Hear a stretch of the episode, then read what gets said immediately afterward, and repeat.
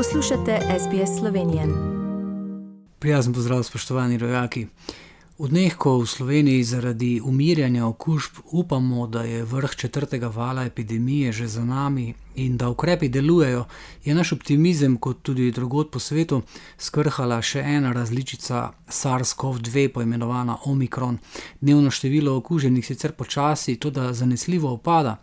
Ljudje, ki so že siti ukrepov in agresivne politične predvoljivne kampanje, pa si želijo le, da bi v prazničnem decembru vsaj kakšen dan preživeli sproščeno in brez omejitev. A ne bo šlo tako lahko. Nekateri ljudje smo odgovorno pristopili k epidemiji in se cepili z nekimi minimalnimi tveganji, ampak vendarle, potem pa so tu drugi, ki se niso cepili, uživajo pa vse ugodnosti. Tukaj je treba stvari postaviti na tehnico.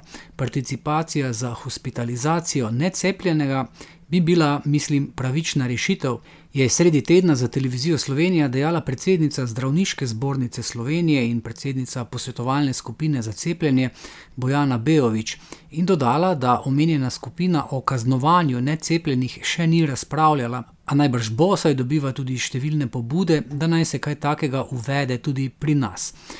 Tudi njena izjava je dvignila nemalo prahu. Ukrep, čež da bi bil pravičen, ne bi prispeval k večji precepljenosti, lahko bi imeli celo več mrtvih zaradi COVID-19, meni zdravniška stroka. Bolj učinkovito menijo, bi bilo obvezno cepljenje, a enotno stališče o tem še ni izoblikovano. Vlada pa med drugim tudi že pripravlja odlog, po katerem novoletni sejmi sicer ostajajo odprti, bodo pa morali biti zagrajeni, obiskovalci pa bodo morali nositi maske, vzdrževati razdaljo ter izpolnjevati pogoj prebolev, cepljen, testiran. Kot kaže, strežba hrane in pijače na novoletnih sejmih letos ne bosta dovoljeni. Letošnji december pa bi znal biti takšen, kakršnih se spominjamo iz preteklosti: mrzel in pokrit snežno odejo. Zadnji mesec v letu pa ni le praznično obarvan, pač pa ga v Sloveniji tradicionalno štejemo za neformalni praznik kulture. Ta veseli dan kulture v Sloveniji vsako leto obeležujemo 3. decembra, na dan, ko se je rodil naš največji pesnik France Prešeren.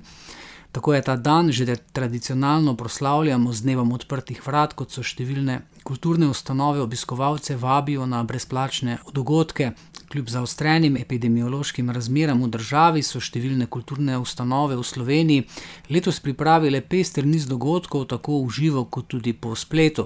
V iztekajočem se letu se je denimo, kljub pandemičnim razmeram, vsak dan povprečno na odrih zvrstilo 31 kulturnih prireditev.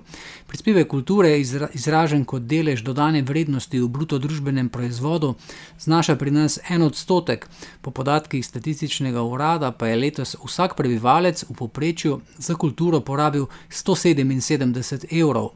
Letošnja dobitnika najvišjih državnih nagrad za umetniške dosežke, preširnovo nagrado, prejmeta klasični filolog in prevajalec Kajetan Gantar ter muzikolog in dirigent Mirko Cuderman.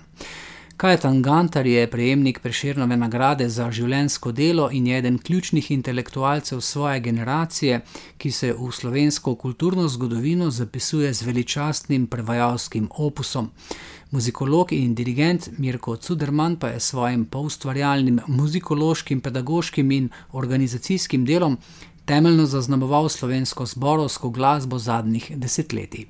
To so bile novice za danes. Ostanite zdravi in vse dobro do našega zadnjega letošnjega slišanja za SBS ali Šlednik. Želite slišati sorodne zgodbe? Prisluhnite jim preko Apple ali Google podcasta, preko aplikacije Spotify ali kjerkoli drugje.